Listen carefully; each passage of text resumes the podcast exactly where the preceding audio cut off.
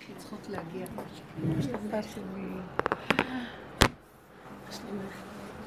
ברחמים חטיפה. איזה בנות יפות, מקסימות. מה יש לכם? מה יש לכם? אתם רוצות לגמור עליי? גם ככה אני עייפה. תתעוררו קצת.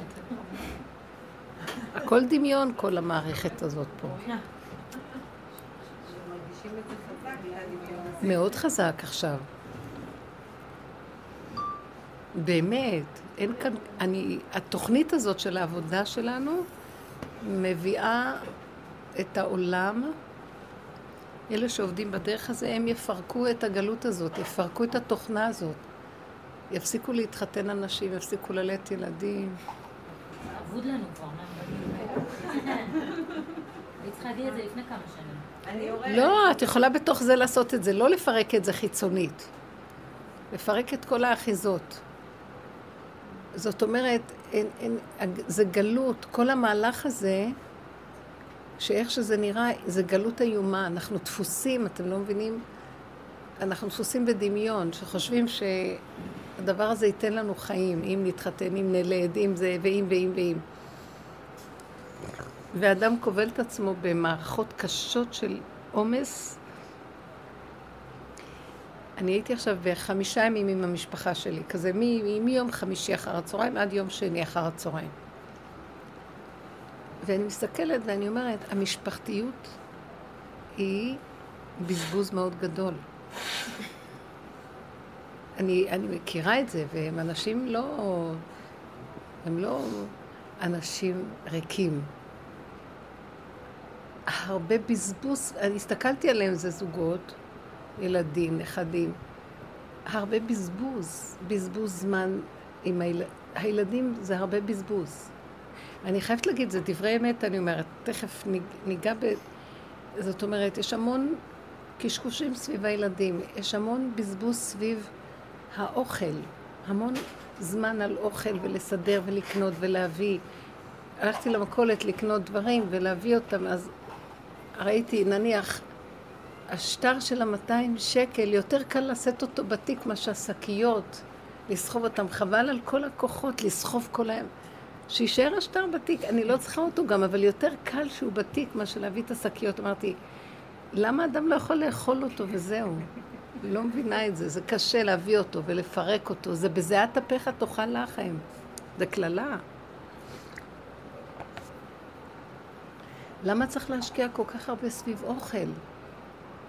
כמה קשה העניין של האוכל לגוף, כמה טרחה יש בו להשיג את הכסף, להשיג את החומר עצמו, לבשל אותו, לסדר אותו, לעשות. אנחנו אומרים, לא, אבל מה יעשה אדם פה? זה מהנה. ובאיזשהו מקום אני אומרת, יש בזבוז מאוד גדול פה. הפעולות האלה הן פעולות מאמצות. היה יכול להיות מאוד רעיון טוב לחיות כמו בציור, לעשות ככה וככה וככה וככה. אבל לא ממש. אתם מבינות מה אני אומרת? לדייק את החומר, להרים אותו לרמה אחרת. מדי מגושם, הכל מדי מגושם. ילדים, אני ראיתי המון כאב ראש סביבם. התרבות יוצרת את זה. כי ילדים צריכים לחיות לבד עם עצמם. צריכים לתת להם, אבל אי אפשר להיות... התרבות יצרה מצב שהילדים הם הם לוקחים המון כוחות לבני אדם. בדור הזה זה לא נורמלי. הילדים מרכז העולם, הם לוקחים המון כוח. הם משוגעים, הם טיפשים. הם מושכים אותנו לכל מיני דברים שאי אפשר לסבול אותם. אנחנו רגשית הולכים אחריהם. הם, אה, ההורים מעריצים את הילדים שלהם גם. רגעים כאלה גם יכולים להתרגז עליהם, רגעים כאלה, והם שווים אותנו, שבו אותנו. בשביל מה צריך את כל זה? אני רואה, בוא ניקח זוגיות, יש בה המון בזבוז אנרגיה. אולי זה דבר טוב שבני אדם חיים עם בני אדם ויש רגע אחד של הידלקות ואחר כך מה קשור? מה קשור הכל? למה צריך לעשות מזה סיפורים? זה גלות, זה תיקון, זה לתקן את השקר, זה כאילו החטא ועונשו. תסחבו את השק הזה עליכם. אני מדברת מצד נקודת האמת. באמת, הגאולה הכי גדולה זה להיות לבד, אבל לבד נכון. לבד שאדם מחובר ליסוד שלו, והוא קשור לשכינה שבו. אנרגיית החיים האמיתית. היא אמרה שאנחנו בגאולה. ראשון אתם לא בגאולה, אתם לא אתם לא מנצלות את המצב שלכם לגאולה. אתם בפוטנציאל של גאולה ואתם מייללות, למה אין לכם גברים? למה אין לכם בעל? למה אין לכם בעל? כמו שאומרים, לחמור יש בעלים.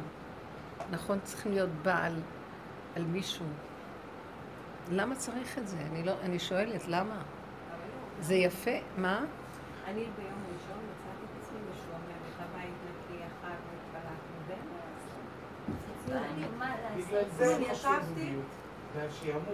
זה לא נכון. זה, זה, זה סימן שאת לא מחוברת טוב עם הנפש. הנפש היא משהו אחר. כשאנחנו מתחברים להוויה, אין זמן ואין מקום ואין שיממון. זה לא כמו עץ הדעת, כשאת ביישוב, אז הסיפוקים, הריגושים, הפעולות גונבות אותנו, ואז אנחנו עסוקים ולא מרגישים את הזמן. וכשאת יוצאת למדבר, מהיישוב למדבר מרגישים שיממון, המדבר הוא שממה, זה, זה החלק ההפוך של היישוב. אז זה דבר והיפוכו, אבל הוויה זה משהו אחר. את יכולה לעשות, את יכולה לא לעשות. אף פעם אין שיממון. כי זה לא תלוי בעשייה, זה תלוי במקום. גם אדם כזה, כשהוא פועל, אם הוא בתוך ההוויה, אז הוא לא מרגיש את הפעולות שלו, והן לא נהיות לטורח עליו. מצד שני, גם אם הוא לא פועל, לא משעמם לו, כי סתם לשבת זה מאוד מהנה. יש בזה משהו עמוק של חיבור מאוד יפה. זה לא ריחוף, זה לא ריחוף, לא בשמיים היא. זה כאן ועכשיו, ולא מרגישים זמן, ואין מחשבות. אז מה, איך, אז מה, אז מה עושה הבן אדם? אז מה יש? נושם. יש הוויה. לא חייב שום דבר שיהיה. אתם לא מבינים את זה? אנחנו... המחשבה של עץ הדת היא תלותית בתלוי ב. זה תלוי בעשייה הזאת, תלוי במקום שנלך לפה, תלוי. בבן אדם שנפגוש. לא תלוי בכלום, ככה. ופתאום ההוויה יכולה לסובב סיבה של פעולה. אז זה לא מתוך שיממון את רצה לעשות פעולה, או מתוך לכסות את הריק הזה, לא. כי זה לא ריק של שיממון, זה ריק של מחשבות, אבל זה מציאות הווייתית יפה, שיש לה מעגל של סיבות, והיא יכולה לסובב סיבה. סיבה שהיא מכניסה לך פתאום איזו מחשבה חכמה של הגייה, וזה מאוד יפה, או איזו פעולה, או איזה הדמיה רגשית יפה של שמחה. זה לא קשור. אתם מבינות מה אני אומרת? זה לא מה שאנחנו חיים. המערכות שלנו הן מערכות הכאילו. הכל כאן גנוב. כאילו הוויה.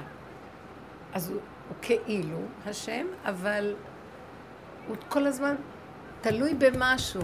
אז השם לא תלוי בכלום, והוא תלוי, אז הוא כאילו מנסה לחקות את האלוקות, אבל זה לא זה. אז צריך, העבודה שלנו צריכה להביא אותנו למקום הזה. שאם יש לי שיממון, אז אני יודע שאני לא מחובר נכון. תפתחו את הפה ותגידו, לא חבל על כל העבודה שלי? ואמרנו וזהו. כאילו נגמרה העבודה, אין יותר חברות, לא בא לך לדבר אין יותר מה? חברות. אני אגיד לך מה, נגמרה העבודה, ואני אגיד לך מה זה נגמרה העבודה. נגמר עץ הדת. עץ הדת והמערכת שלו נופל. ועכשיו מה שנשאר זה הוויה. ומה פירושו של דבר? זה לא שאין חברות, עולם כמנהגו נוהג. אבל אין לך את המוח שאומר, יש לי חברות, יש לי עבודה, יש לי ילדים. לא. זה רגע שמביא עד אלייך את החברה. ורגע, היא, היא חברה הרגע. את עסוקה הרגע. אתם מבינות מה אני אומרת? הרגע הוא המחבר של הכל. זה לא שאין יותר חברות. אין לך במוח את הסך הכולל הזה של יש לי. זה כמו איזה ספר זיכרונות וחשבונות. הוא נופל. אז איך, מה זה חברות? כל אחד שבא אלייך עכשיו, גם לא הכרת אותו, בשנייה את יכולה להתחבר אליו מאוד יפה. זה חברות. לרגע, והולך. את לא חייבת להגיד, טוב, אני אכתוב לה מה נשמע, מה נשמע, שלא תגיד לי למה לא התקשרת אליי, ואז אני אחשוב לא נעים לי. אין מערכות כאלה יותר. אתם מבינים? חיים טובים, בלי חשבונאות. זה מערכת של עץ הדת נופלת. אז זה לא שנגמר. נגמרה העבודה, כי כל עוד יש עץ הדת, יש עבודה. נופל עץ הדת, אין עבודה, אין עמל ואין יגיעה. יש ככה. אני קולטת את זה. ואיפה שאני מרגישה שמתחיל להיות עומס ועמל והגיע, אני יודעת שאני לא במקום. אני גולשת עוד פעם לתוכנה של הגלות. מישהי אמרה לי שהדליקה נרות שבת. עכשיו, כבר מזמן אין לה תפילות ואין לה מה, מהסגנון לפני נרות שבת. עכשיו, הילדים לידה, בנות, 15, 16, 12, אז אמרות שהיא מדליקה נרות, אז לא היה לה נעים שהיא לא תגיד, אז היא עשתה ככה. אבל היא אומרת, בפנים לא היה לה שום תפילה, כלום. היא סתם עשתה ככה. היא הרגישה תשישות מאוד גדולה, יום שישי היה לה עומס בעבודה. והמוח, כאילו, אין לה כוח יותר להתפלל את התפילות של יהי רצון. אז היא מוצאת את עצמה לרגע ככה, בגלל הילדות. כאילו, מה, לא נעים שהיא תעמוד ככה ותדליק ותלך, מה היא תעשה עכשיו? אז פתאום כשהיא עשתה ככה, מהבשר עלתה לה תפילה. והיא אמרה, ריבונו של עולם, עשיתי הרבה פעולות היום והרגשתי את הפעולות שלי והיה לי כבד. אני מבקשת שאני לא ארגיש את הפעולות שלי. זו תפילה מאוד יפה. כי הרגישה תשושה, אז למה אני תשושה? הבשר אומר לה, מתפלל ואומר, אני לא רוצה להרגיש את התשישות הזאת. למה שאני לא אעשה פעולות ולא יהיה לי תשישות? אז בבקשה, שאני אעשה פעולות בלי תשישות. אתם מבינים? אז זה מקום מאוד יפה של תפילה, שזה בא מהבשר, מהאמת. זה לא תפילות של אה, מובניות, שכתוב אותן ומעוררים אותן בשעה הזאת, מתפללים על זה. בשעה הזאת, במצב הזה, מתפללים על זה. זה ניתן לעץ הדת, ולאנשים שהם עייפים בעץ הדת, במוח שלהם, אז צריכים לכתוב להם את התפילה. וזה תרתי דה סיטרה, מה שנקרא, זה סתירה, כי תפילה זה דבר שיוצא מהלב. למה שמישהו יכתוב לי תפילה? אבל אנחנו כל כך המומים, שאני צריכה תפילות שמישהו כתב, ואז אני מדליקים כפתור, מתפללים. ככה זה עץ הדת. הכל כאן כאילו, כאילו תפילה. אבל באמת הבשר מדבר. הרגישה שהבשר אומר, אני עייף, למה אני עייף? בגלל שעשיתי פעולות? לא חייב שאני אעשה פעולות ואני אהיה עייף. סימן שהפעולות באו ממקום של מתח, מדמיון, מחשבות. זה היה נלווה לפעולה. הלחץ והמתח של להספיק וכל הדברים האלה. אז זה מקום שההוויה מתחילה להתגלות עלינו עכשיו. והחיים נהיים יותר פשוטים ורפואיים. זה לא אומר שאנחנו לא נהיה בעולם. זה אומר שאנחנו בעולם, אבל בתודעה חדשה בעולם, לא התודעה של עץ הדת. תודעה חדשה יורדת, תודעה של הוויה. וכשהייתי עם המשפחה שלי ככה, אמרתי לעצמי, הרבה בזבוז. למה?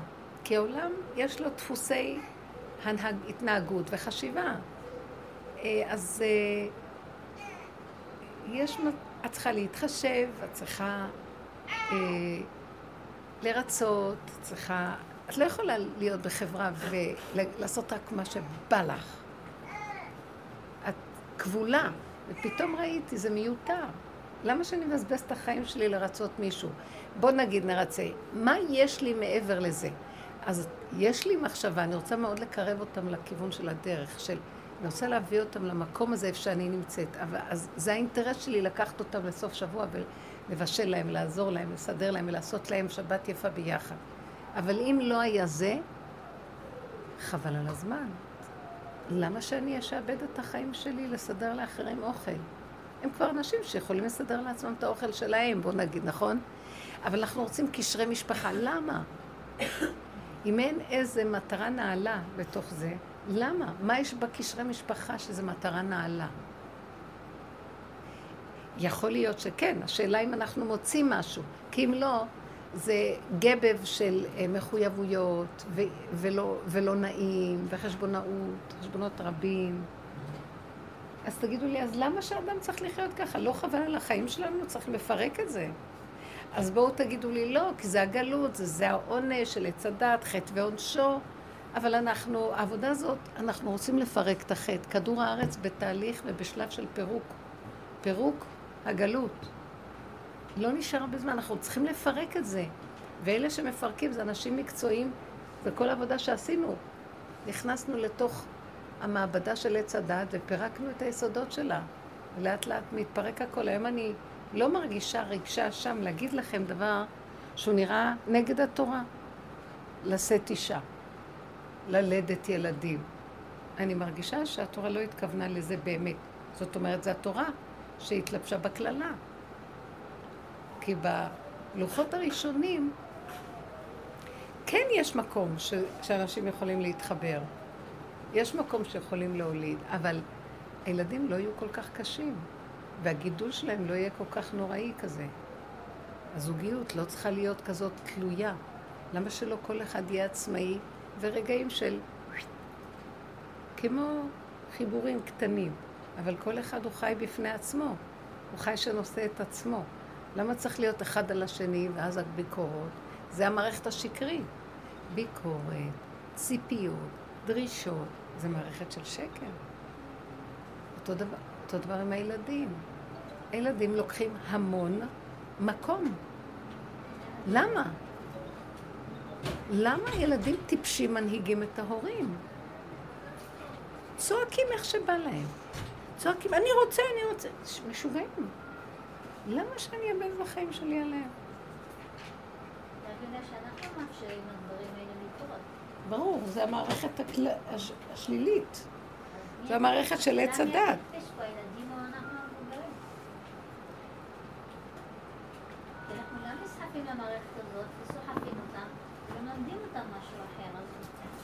זה, אנחנו מבינים את זה, אבל אנחנו לא שואלים, אנחנו לא מנסים להבין, אנחנו מבינים שזה לא, ככה, שאלה מה לעשות. זה יכול להיות לבד בתוך כל המערכת הזאת, וכמו שאמרת אז ב... מה את אומרת? שבירושלים של להיות אה, לראות כאילו... אבל אנחנו שנים, אני ראיתי, המהלך פה, העבודה הזאת שאנחנו עושים בחפירה של עץ הדעת, היא אנטיתזה של עץ הדת. אנחנו כאילו נלחמים בו. והוא מתחיל להתעורר, אתם נלחמים בי? אני אראה לכם. ומי שנכנס בעבודה הזאת לא קל לו, כי מזמנים לו ניסיונות. אז עכשיו הוא צריך לעבוד עם הכלים שאנחנו דיברנו, לא להתרגש, ולעבוד מאוד בסמוי ובשקט, עד שאנחנו יורדים, יורדים, יורדים, יורדים, עד שנמחק. זה התהליך של הסוף. עכשיו, אבל אנחנו בעולם, ואת צריכה לשחק אותה בעולם איך שהעולם, וזה המון עומס, כי את כמו סוכן כפול. את משהו אחר בתוך הנפש לגמרי. ואני, יהיו תקופות שהיה לי מאוד מאוד קשה. אם היה לי איזה סבל, זה לא עבודה שנכנסתי בה. זה העולם שמסביבי שהוא סותר אותה. ואני מחויבת לו, כי אני לא חיה לבד במדבר. עכשיו, גם זה הגיע לאיזה שלב שאני שמעתי צעקה בנפש, די, אני לא יכולה יותר גם את הדואליות הזאת, לשחק אותה כאילו, ובפנים, כאילו לקרב אותם והכל בסמוי, ושהם לא ירגישו, והם קולטים שאני, יש לי איזה מזימה עליהם, הם קולטים בתת הכרה. אז הם לא יודעים איך לאכול אותי, כי בחוץ הם לא יקלטו, ובפנים יש איזה נקודות אחרות שהם רואים עליי, הם לא מבינים איך זה עובד. איך זה עובד? שאני פעם אולי הייתי נראית להם צדיקה. היום אני בכלל לא צדיקה. בקושי מחזיקה סידור, הורדתי את הכיסוי, שמתי פאה. אני, הם בקושי רואים אותי מתפללת, מה שפעם. אני כבר לא קמה בכותל, לכותל בשתיים לפנות בוקר, ואני לא נמנית אה, על אה, אה, הצדקניות של ירושלים. ואיך יכול להיות שאני אלך בשביל הבן שלי, אה, מה שאמרתי לכם אז, עם הרישיון הזה שלקחו לו, והשם איתי ועשיתי, זה לא אני, דרכי עבר איזה נס שהוא... וכשדיברתי עם החותנת שהיא קשורה עם הבן, אשתו, האימא שלה, אז כאילו, לא הבינה, איך פושטית כמוני יכולה לעשות כזה נס? ואני אמרתי לה, זה לא אני, זה בורא עולם, אבל מה הקשר שלך לבורא עולם? כאילו, בורא עולם שלנו זה הר של מטפחות, ו... אז אתם יכולות להבין את זה? ואז אני יכולה להסתכל ולהגיד, לא, השם שלך בשמיים, אבל השם שלי, בעבודה הזאת לאט לאט אנחנו נגיד וזה יהיה. כמו ילד קטן, שהוא כל כך גבולי, שהוא אומר, תסדר לי, הוא חייב לקבל את מה שהוא רוצה. לא צריך יותר מפעם אחת להגיד אני רוצה, ונהיה. שם זה הררי הררים של תפילות, בשמיים, מעבר לים, בארץ רחוקה, לא. בפיך ובלבבך, פשטות, מידות פשוטות, ישרות. בלי כל העץ והסבך של היער הזה, של המוח. אז זה קשה מאוד להבין, נכון? אז עכשיו, הם לא מבינים אותי, כל הזמן אומרים לי, איך עשית את זה? לא רק את זה, כל מיני, איך העמדת את כל השם, איך עשית, איך? ואני אומרת להם, אני לא מרגישה את הפעולות שלי, מישהו דרכי פועל, אתם מבינים? ההוויה פועלת דרכי. אתם יכולים להבין איזה צער יש לי? כאילו, איך אני יכולה להזיז אותם מהמקום הזה? איך אפשר להביא את הגאולה הזאת? יותר קל להוציא את היהודים מהגלות מאשר את הגלות מהיהודי. מאוד קשה. אני במשבר, רבותיי. אבל אני עובדת על זה, ובסוף צעקתי בשבת, צעקה בתוך הנפש, די. אני לא יכולה להמשיך לשחק את המשחק הזה, אני לא רוצה גם לשחק, ובאמת זה פחות ופחות המשחק. אבל זה כאילו, ראיתי את הבזבוז הנוראי של האנרגיות בשביל התכלית. ואמרתי לו, למה מצאת אותי קורבן לבזבז את האנרגיות שלי והחיים בשביל לקרב אותם? קרב אותם אתה. אין לי כוח כבר לעשות תרגילים כל כך הרבה שנים על הכל. תקרב את העולם שלך אליך, מה אתה רוצה ממני? אז מה הכוונה? ברור שהוא צריך אותי בשביל לקרב, כי הוא אין לו גוף ולא דמות הגוף, הוא אנרגיה, אז הוא צריך גוף, נכון? זה עובר דרך גופים, ההשפעות. אבל התכוונתי לומר לו, אני לא רוצה להרגיש את הפעולות שלי, לא רוצה להרגיש שאני משחקת אותה, לא רוצה להרגיש את האנרגיה של המאמץ והלחץ הנוראי הזה של הם משהו אחר, אני צריכה לשחק אותה, שהם לא ירגישו שאני ככה, כי אני רוצה ככה. נמאס לי, נמאס לי, לא רוצה. זה מהלך כזה. זה כמו החמור של רבי עקיבא, בסוף כאילו כולם התרגלו, לא? כאילו, אם את לובשת בסוף את אותה שמלה, אז בסוף התרגלו. התרגלו למה? התרגלו שאת לובשת את אותה שמלה שלה. אבל אני, אני אגיד לך מה, זה לא אכפת לי שיתרגלו אליי או לא, אני רוצה שמשהו יזוז אצלם. אבל אז אני שואלת אותו, למה נתת לי שיהיה אכפת לי? מו- אליהו, אני אגיד לכם, אליהו הנביא הולך בשליחות של השם. והוא אומר לו, לך לאחאב ותביא לו מסר. מוסר תיתן לו. איך הוא חי? והוא הולך ברצון האלוקי כי הוא קיבל שליחות. אז השליחות שלו מובילה אותו בהתלהבות לעשות את השליחות של השם. ומה שהוא לא בא להגיד להם, הוא רואה שהם שומעים, נכנס מפה, יוצא מפה. אז אם הוא שליח השם, זה צריך לפעול עליהם, לא? זה לא פועל? אני חושבת שזה רק הרפאיה. לא יודעת, אני היה לי בן, ש... יש לי בן. רגע, ברור, ברור שזה הרפאיה, אבל תביני, הוא נותן לך אש בעצמות של שליחות, שנים, ובסוף אליהו הנביא בא אליו ואומר לו, אתה פיתית אותי, כי פיתיתני ואפות. אתה פיתית אותי, ואתה בכלל לא התכוונת שמה שאני אגיד ישפיע עליהם. למה עשית לי את זה? לא? שנייה, שנייה. למה? הוא בא בטענה להשגחה. למה אתה שולח אותי ונותן לי על פי שכל שליחות, ואני באה ברצינות, ואני רואה שאתה צוחק עליי. הם עושים מה שהם רוצים, ואתה גם נותן להם את כל השפע שבעולם. כי בוא ת, תעצור, תעשה משהו. תעשה משהו שלא, שהם יראו שאתה, אני שליח שלך ושאתה נוגע בהם במשהו. לא. אז אם כן, למה אתה שולח אותי? והטענה הזאת, יש בה איזו נקודה שהיא עמוקה מאוד. אליהו הנביא היה מאוד רציני. הוא לא הסכים להמשיך ללכת בשליחויות ואמר, תעזוב, אני לא רוצה. המהלך שאנחנו, כאילו, מה שאני באה לומר, זה השליחויות שיש לנו, אנחנו חייבים, כמו שאת אומרת, עבודה עצמית, גם אותם להשיל ולא לקחת ברצינות כלום. אז זה כאילו התפילה, שאני לא ארגיש את הפעולות, שאני לא ארגיש שיש לי שליחות, אני לא ארגיש שום דבר. התפילה האחרונה זה שאנחנו לא נרגיש כלום, כי לא שלנו פה כלום. עוד אליהו הנביא לוקח את זה אישי, אכפת לו, הוא כועס, הוא כעס, הוא הטיח דברים. הוא אמר, אתה מפתה אותי לעשות דבר, ובסוף אתה לא מתכוון לזה ברצינות.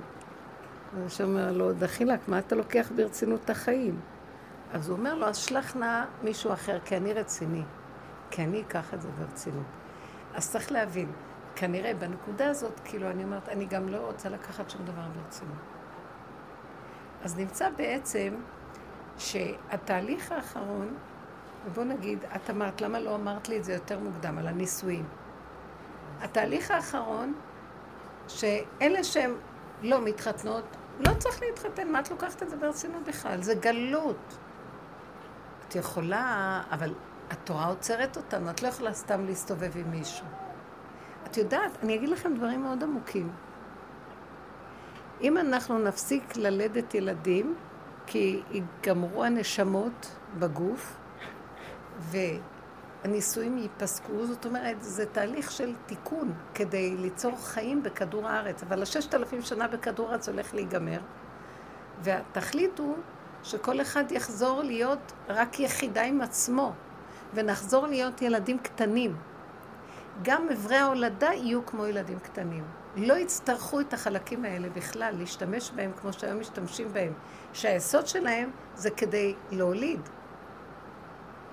נכון שיש גם איזו נקודה שזה מחבר, שזה מחבר את האנשים ביחד. חוץ מהולדה, יש גם בזה משהו שעושה איזה קשר של חיבור בין הזוג, בין בני הזוג. החלק הזה של החיבור בין בני הזוג גם כן השתדרג למדרגה אחרת. כתוב,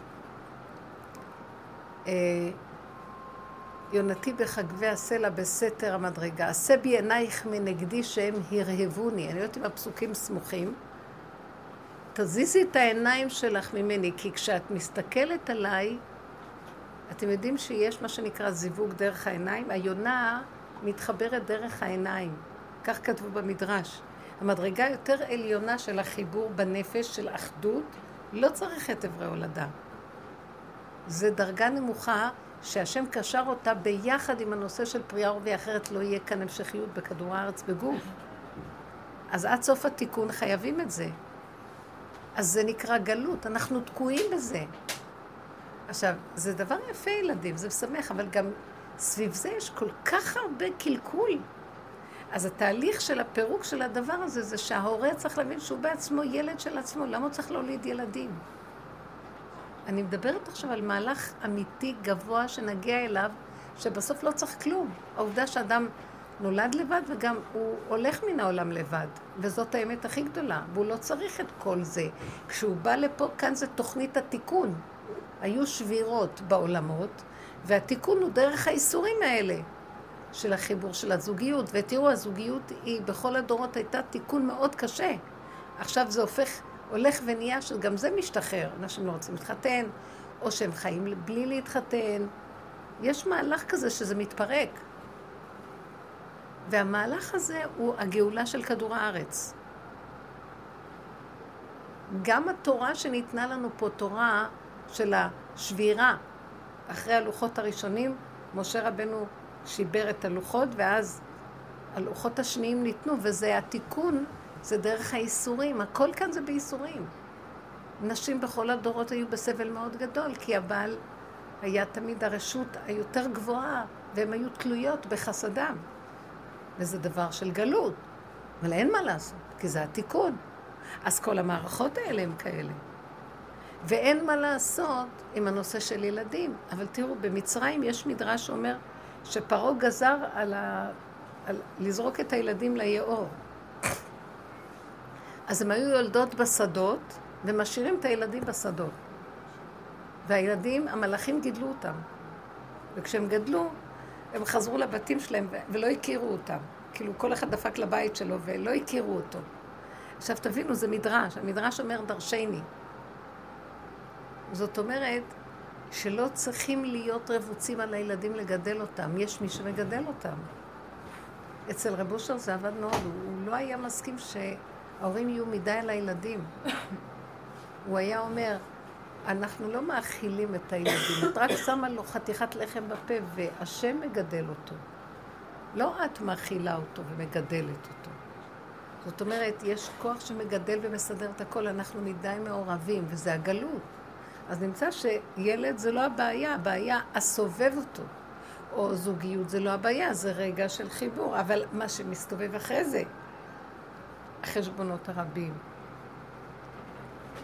הדמיונות, ציפיות, הדרישות, תוכנה של עץ הדת, אחד על השני, זה ממית. עין רעה אחד על השני תמידית.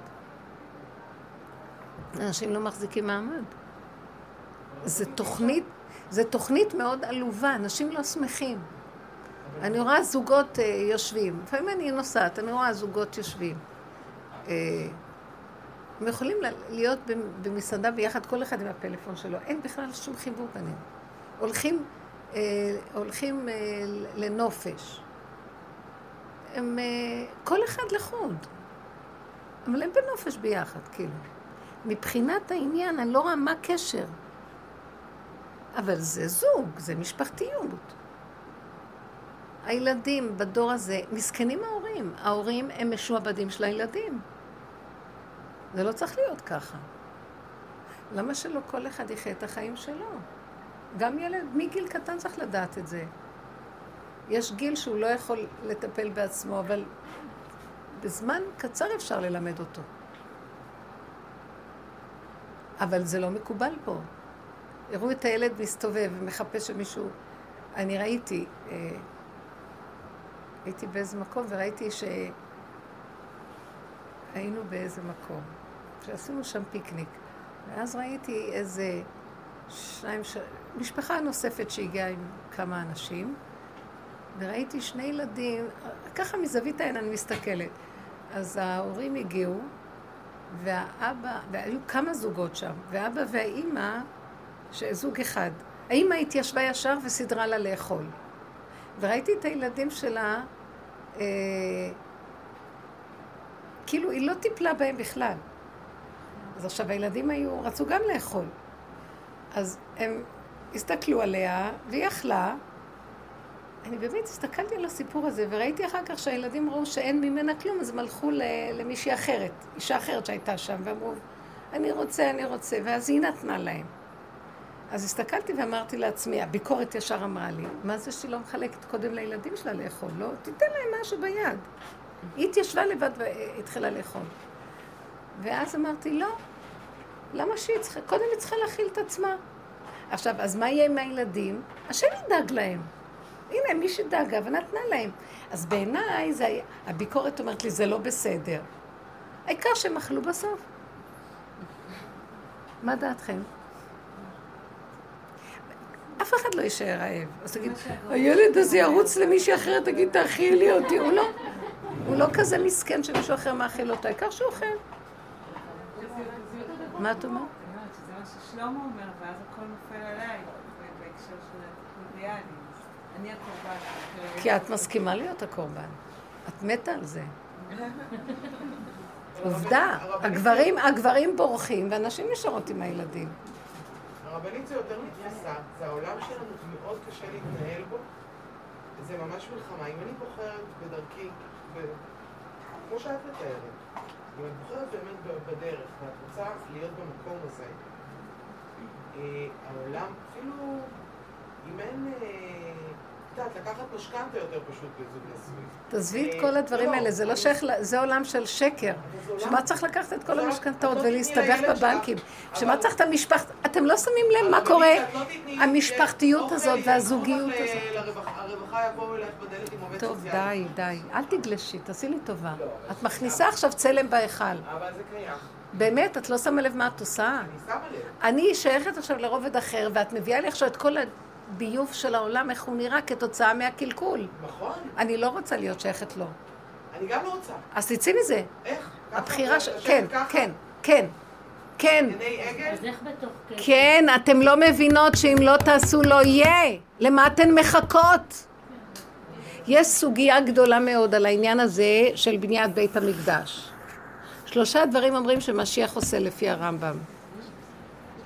מקבץ את הגלויות, עושה מלחמת עמלק ובונה את בית הבחירה. אבל יש סוגיה שלמה מאוד גדולה, שבית הבחירה אינו תלוי, בניית בית הבחירה אינו תלוי במשיח. כל אחד יכול לקום ולבנות את בית הבחירה. כל אחד שיש לו לב שהדבנו ליבו, לקחת חומרים, בניין, עצים, לבנות בית להשם. כן. כתוב, אה, אה, החפץ חיים שהגיעו אליו, איזה פעם אחת הוא קיבץ את ה... ראשי ישיבה של רדין ישבו לידו וזה, ואז הוא התחיל לבכות, והוא אומר, מתי ייבנה בית המקדש? ואז הוא פתח במלכים, ששלמה המלך הל- הלך לקרוא לחירם, שהיה איש פשוט, בעל מלאכה, מצור, שאבא שלו היה צורי, מאזור צור, ואימא שלו משבט נפתלי או משהו כזה. הוא היה אדם פשוט שעושה בחרש וברזל בעץ, ואמר לו בוא תבנה את בית המקדש. זאת אומרת, אז הוא התחיל להגיד להם, תראו, אדם פשוט בלי ייחוס, בלי, אה, תל, לא תלמיד חכם, לא כלום, בנה את בית הבחירה. הוא, השם נתן לו חוכמה מעשית ותבונה איך לבנות. זאת אומרת, הוא היה כישרוני בפשוט פשוט בנייה. אז הוא צעק ואמר, אין לנו היום מלכים ואין לנו נביאים וגם לא חכמים, ככה חפץ חיים אמר. אז בוא, אז בוא ניקח אנשים פשוטים ונבנה את בית הבחירה. גם העניין של הקרבת הקורבנות לא תלוי בבית הבחירה, אתם יודעים? אפשר להקריב קורבנות? לא. אפשר לבנות מזבח ולהקריב קורבן. קורבן פסח וכבר קורבנות התמיד. אז למה לא עושים את זה? כי, כי החכמים של הגלות לא נותנים, הם רוצים את זה לפי הדמיון של איך שזה יהיה. הם חושבים שירד לגמרי ויהיה משהו שמימי ומלאכים וזה. ויש uh, ויכוח שלם עכשיו. קמים אנשים שאומרים, לא, אם אנחנו לא נעשה, לא יהיה. אם לא נעלה להר הבית, אם לא נריב, אם לא נעשה זה וזה, לא יהיה. נניח, דוגמה אני נותנת. הגאולה הזאת היא גאולה שכלו כל הקיצין, ואם לא נקום ונעשה מעשה, לא יהיה. את לא מבינה? אם לא תקומי ותגידי, אני לא רוצה לחיות תחת העול של המשכנתאות וכל הבנקים וכל... לא רוצה. אני לא רוצה להתחתן איך שכולם מתחתנים. אני לא רוצה שהילדים יהיו ככה, אני לא רוצה ככה את החיים האלה. זה נכון שזה מאוד קשה, ויש ייאוש פנימי שאומר, אז מה נעשה? לאן נשלח אותם ללמוד, ואיך יהיו ככה, ואיך לעשות ככה. ואז אנשים, זה מה שקורה פה, ייאוש. זה כמו בדור מצרים, שהם התייאשו, כי הם ראו את השלטון של פרעה חזק עליהם, לא יכולים לפרוץ אותו. אז הם היו בייאוש. עד שיום אחד הם תפסו שהם, הייאוש אוכל אותם, והם נגמרים ממנו, והם נתנו צעקה גדולה מאוד על כך שהם בייאוש. צעקו להשם, תוציא אותנו מהפלונטר, כי אנחנו תקועים, ואנחנו לא יודעים איך לצאת מזה. אז הוא שלח לנו את הדרך, והדרך הזאת, אם אנחנו מתבוננים בה לאט, לאט, לאט, לאט, לאט, אנחנו מתחילים לצאת, ההתבוננות עושה לנו את זה. אתם לא מבינים מה שקורה. אני אומרת לכם, אני לא באותו מקום כמו פעם. פתאום אני באה חברה מקסימה מהדרך, מדהימה, מדהימה. היא כל כך בדרך, רווקה בת 40 ומשהו. אז מישהי הציעה לה שידוך וזה, אז היא אומרת לי, היא אומרת לה, נראה לך? כאילו הזדעזעה מהרעיון. היא אומרת, אני, מי צריך את הדבר הזה? אני, רוא, אני רק רואה סביבי אנשים שסובלים בזוגיות, שמה צריך את זה בכלל? כאילו, בתוך הנפש, היא נוגעת בנקודות של אמת, של פשטות, של ישרות עם עצמה. ברור שיש עוד את הבלבולים, אבל הם הולכים ונגמרים. וכל פעם שהיא מדברת, אני אומרת לה, את לא חייבת. יש לך חיים טובים. הקשר שלך עם השכינה הפנימית שלך, זה הזיווג העליון שלך. אם השם יזמן מישהו ש, שבמקום הזה הוא יהיה איתך באותו ראש, למה לא? אבל שלא תיפלו אחרי זה עוד פעם. יש רגע אחד כזה, ואחר כך מתחיל, רוצים למסד את הרגע בקביעות, ואז מתחילות הצרות. כי אי אפשר למסד רגע הזה. יש רגע של חיבור ישמיימי בין שני, שני אנשים. רגע שהוא גם נגמר וכל אחד הולך לדרכו, רגע שיכולים לחזור אותם. אם אפשר לחיות ביחד וכל אחד לחוד ולדעת לכבד את המקום הזה, זה, זה, זה זיווג טוב. למה לא? למה לא? אבל אם לא, זה גיהינום עלי אדמות. ואנשים חיים, אני מסתכלת על הפנים של אנשים מטושטשים, האנשים מטושטשים. ומה אם אה, רוצים? אישה שרוצה ילדים. היא צריכה להבין אם היא רוצה ילדים בכלל, אם היא רוצה ילדים. נגיד זה הרבה שאישה דמיונות. שכן רוצה ילדים, אבל היא מבינה שזוגיות כבר... זה לא חייב להיות... היא לא רוצה ילדים, באמת. היא סתם מדומיינת. ברגע שיהיה לה והיא תהיה לבד עם כל העול ועם ה... והיא תגדל אותו, לא מספיק. היא, אני אגיד לכם מתי בן אדם יודע. כשהוא מחובר ליסוד האמת ההווייתי של עצמו, שם יש לו את האמת לדעת. שאם הוא רוצה ילדים, ייתנו לו את זה איך שזה מתאים ונכון, בלי שום מניעה, ויהיה לו שמחה מאוד גדולה, ורגע רגע יהיה לו שמחה. אבל אנחנו לא במקום, אם אנחנו לא מבררים את הבסיס הזה, שמשם הזוגיות הנכונה, משם היל, הילודה, משם הכל, אז uh, גיהנום עלי אדמות. אני אומרת שאנחנו צריכים להיות מאוד אמיצים לבנות את הנפש. גם, בוא נגיד, כאלה שהם אמיצים, מתגרשים וחיים לבד, הם גם עדיין לא גאולים. אז הם מגדלים את הילדים שלהם במסכנות, והם בכאבים על הפרנסות שלהם, הכל בכאבים. זה לא נקרא גאולה בגלל שפירקה את הנישואים שלה, נניח. אלא אם כן היא נמצאת בדרך והיא עובדת נכון רגע רגע. וכל הזמן, כל דבר שבא לה ועושה לה מצוקה בנפש ועושה לה כאבים, זה שקר וכזב, היא מפרקת את זה וזורקת את זה ממנה ואומרת, אין, לא חסר לי דבר, הכל מעולה ולא חסר דבר. וכל נכאות שבאה זה שקר מעץ הדעת. כי לא חסר כלום, הכל בסדר. אתם מבינות מה אני אומרת? כי אנחנו חיים במין חיים של נכאות, שנראה לנו אם יהיה לי ילד, יהיה לי יותר שמח, ואם יהיה לי זה, אז יהיה, הכל, אז תולים כל הזמן דברים. וזה לא נכון. ואנשים כל הזמן במצוקות. זה תוכנת המצוקות פה. זה מוליד, זה תוכנה שמולידה מצוקות. ואז יש מלא מקצוענים שפותרים מצוקות ומתפרנסים מזה יפה. זה ככה זה עובד. אז הרבנית, אני הבנתי, את אומרת, זאת אומרת, אם היה אידיאלי את אם לא... היא לא מביאה לך, אף אחד לא יביא לך בחינם כלום. צריכה להישחט בשביל זה. צריכה להישחט בשביל להגיע להוויה. לשחוט את האגו הזה. מה זה לשחוט? קודם כל, ההתחלה של כל העבודה הזאת זה אף פעם לא בחוץ. הבחוץ הוא רק המראה להראות לי את עצמי, ואז אני רואה את הלכלוך שלי ואת הצורה שלי, נקמנות, את כל המידות הרעות, חשבונות רבים, ואז אני עובדת עם זה, בסוף אני רואה, אני לא יכולה לצאת מזה. אני משלימה. וגם כשאני משלימה, יש לי ייאוש, ככה אני נראית, אז אני גם צריכה לא להישבר ולהתחיל לצחוק, עד שזה מתנדף אחורה, אחורה, אחורה. אנחנו מפרקים, מפרקים, מפרקים, ודי, שיהיה מה שיהיה, כלום. בשבת שהייתי ראיתי, מתוך הפירוק, כמה בזבוז אנרגיה סביב מה? למה אני רוצה, אני מלכדת אותם, בואו נהיה באחדות משפחתית. למה כדאי לי לעשות אחדות משפחתית? שמה? אלא אם כן יש לי איזו מטרה פנימית בתוך זה, להביא אותם לגאולה הנרצית, לעזור להם. להניח איזו תשתית שגם הם יזכו להגיע למקום הזה, כי הם סובלים. כל אחד סובל בדרך שלו, בצורה שלו. כל אחד, זה כל החיים, זה לא הם דווקא.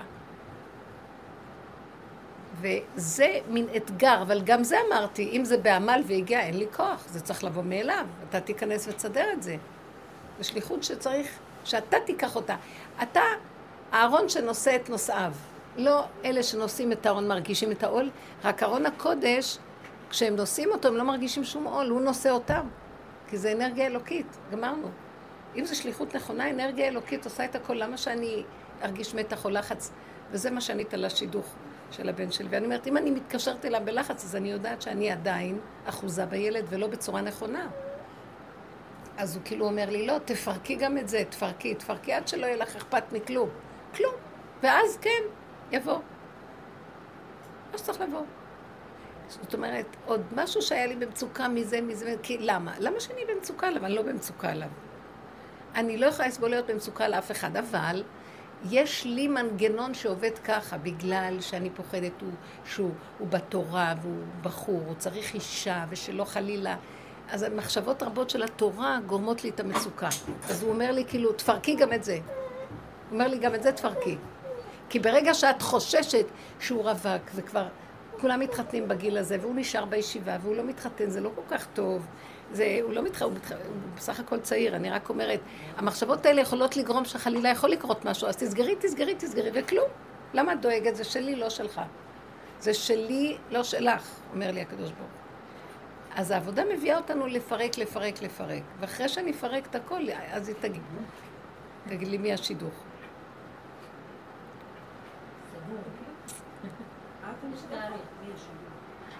רוצה לשדך אותי, אבל אני כבר השתדכתי, אז עכשיו צריכים למצוא...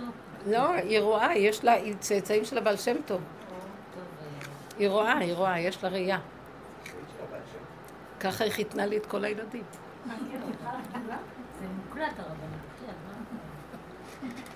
תגידי הרבנית, בסוף שבוע? הזה, שנייה, בסוף שבוע הזה, היה לך גם כן איזושהי אה, נחת רוח מהביחד? כלום, לא, כלום. לא, כלום. נמחק לי. פעם היה יכול להיות לי, היום זה הולך ונגמר. שום נחת, שום סיפוק, שום כלום. הכנס שהיה, כלום. אין לי זיכרון, כלום. לא נוגע בי כלום. ואני ראיתי שאם אנחנו נשארים ככה, השכינה נכנסת וכולם שמחים ונהנו מאוד מאוד. אבל את נהנית? אני לא, אני לא את שואלת את השאלה הזאת יותר. אני לא שואלת את זה יותר, אתם לא מבינים? זה לא בכלל סוגיה אצלי ליהנות או לא. עצם הדבר עצמו זה, זה, זה לא סוגיה, את נהנית או לא. זה כאילו, אני, אני, אני לא יודעת להסביר לכם את זה, זה בכלל, ההוויה, כשהיא חיה עם הדבר, זה הדבר וזהו. בלי, תשקיפי על ותתארי לנו מה היה. מיד את יוצאת מנקודת היחידה וההווה.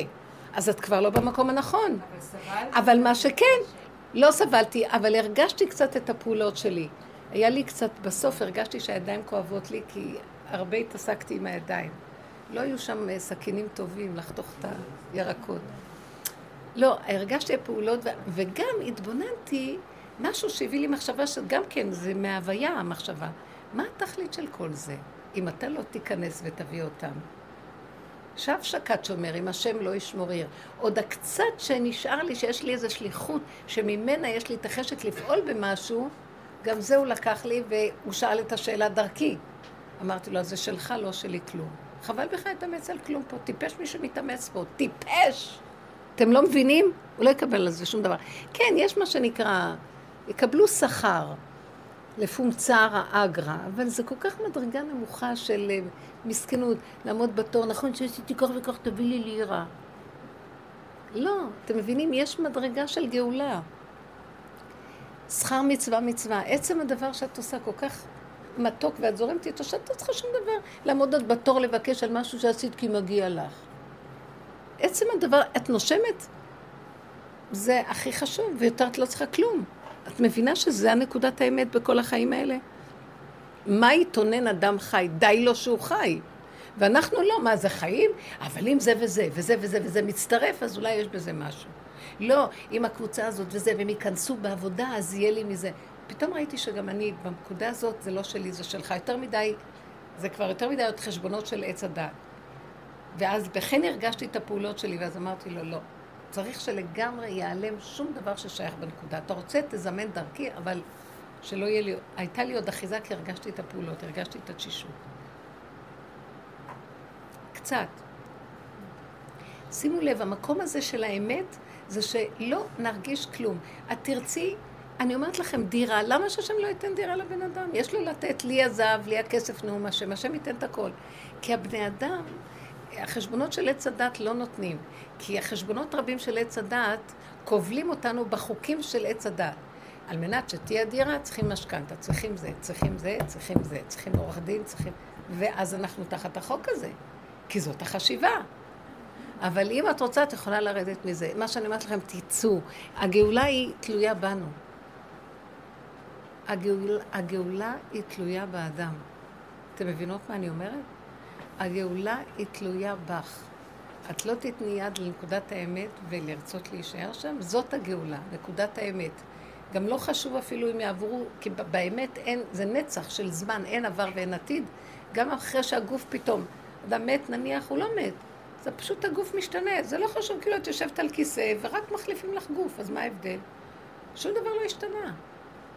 זה נקרא שאת שייכת לנצח, אבל אנחנו היום לא חיים ככה, הכל תלוי בתלוי. וזה הכאבים. כי אם היינו חיים במערכות האלה של האמת, תגידי, והשם ייתן לך. גם את לא תרצי דבר שלא, שהוא לא מגיע לך גם. את רוצה קורת גג, כי זה מינימום קיומי לאדם. כן, נתן לנו פה גופים, וצריכים כאן קורת גג, פשוט. זה מה שלא ייתן לבן אדם. הוא הביא בן אדם, כתוב, כל תינוק בא לעולם וכיכרו בידו. אדם, תינוק בר, הוא חייב שיהיה לו המזונות שלו. בדין שיהיו לו מזונות. איך השם יכול להביא בן אדם לעולם, נשמה לעולם, בגוף, ולא לתת לה מזונות? אבל האדם קיפח את מעשיו, אתם מבינים? אנחנו אשמים בזה, זה לא קשור. כי החוק האלוקי עושה שלכל אחד, אם יש לו צורך לקיום שלו, ייתנו לו. בוא נגיד אחד שיש לו קיום ברמה אחרת מהשני. אחד צריך קיום רגשי יותר מהשני. אחד לא קשור ברגש. אחד יש לו רגש מפותח. צריכים לתת לו קיום לרגש שלו, כי למה הביאו אותו, בוא נגיד, יצירתי? הוא צריך תמונה יפה או פרח כדי שיהיה לו חיות. אז השם גם את זה נותן לו, זה הכיכר שלו, זה כלול בכיכר שלו. אבל הבני אדם מקלקלים, ואז הם לא יכולים לקבל את הכיכר. זה מה שנקרא הקללה, בזיעת אפיך תאכל לחם. הכל מסתבך. וכשהבן אדם נעצר ואומר, רגע, למה שאני אעמול כל כך קשה על הקיום הזה? למה שאני אגדל ילדים בכזה עמל ויגיע? זה לא צריך להיות ככה. ילדים צריכים לשמח. הם צריכים גם לדעת לחיות עם עצמם לבד ולסדר לעצמם דברים. הם יכולים להתקיים. למה אנחנו כל כך מבוהלים עליהם ומרחמים רחמים לא נכונים, והילדים מתפנקים עלינו והם נהיים מפלצות. אין להם רחמנות על ההורים. אני ראיתי, הייתי בסופר, והיה איזה איש ושני ילדים איתו, והילד השתטח על הרצפה וצרח, כי הוא רצה שאבא יקנה לו משהו, ואבא לא, אמר לו לא. הצרחות שהוא הקים וההתנהגות שלו, מסכן, ראיתי את האבא, הוא, הוא פחד קודם כל לחטיף לו ליד כולם, שלא יביאו את המשטרה. הוא כבול מפה, כבול מפה, כבול מכל הכיוונים. והילד ניצח, רק כשיהיה שקט הוא הלך לתת לו. והסתכלתי על, על האבא הזה ואמרתי, מסכן. ריחמתי על האבא. ורציתי להרוג את הילד. כן, התינוקת, התינוקת של, אה, של הבן שלי, צרחה, צרחה בלילות, היא צורחת. לא יודעת מה יש לה. טוב, יכול להיות שהיא יונקת מהאימא, אולי האימא צריכה לקחת משהו, לא יודעת מה, אבל בלילה יש לה צרחות נוראיות. היא יכולה שעות לילל. עד חמישה חודשים. עכשיו, ההורים מותשים לגמרי, הם מעבירים אותה מיד ליד, וזה מנסה להרגיע אותה וזה, ועכשיו גם שאר המשפחה, כל אחד לוקח אותה להרגיע אותה, כלום לא עוזר. בסוף אני לקחתי אותה, אמרתי להם, תביאו לי אותה. לקחתי אותה החוצה, ואמרתי לה, תשמעי, אכזרית רשאית שכמותך. או שזה את או שהתלבש עליך איזה רשע. הרשע שלך לא מקובל עליי. את לא תרגי כאן את כולם בגלל שאת לא יודעת, את חפצה במשהו. את בוכה ברמה שאי אפשר לסבול אותך, ואמרתי לה, תפסיקי כבר, אין אכזריות יותר מזה. את קוברת את ההורים שלך. אני לא מסכימה להתנהגות הזאת בכלל. אתם לא מאמינים מה קרה. ככה התהלכתי איתה בחוץ, ודיברתי איתה קשות. היה לי רגע שממש תפסתי אותה חזק, אמרתי לה.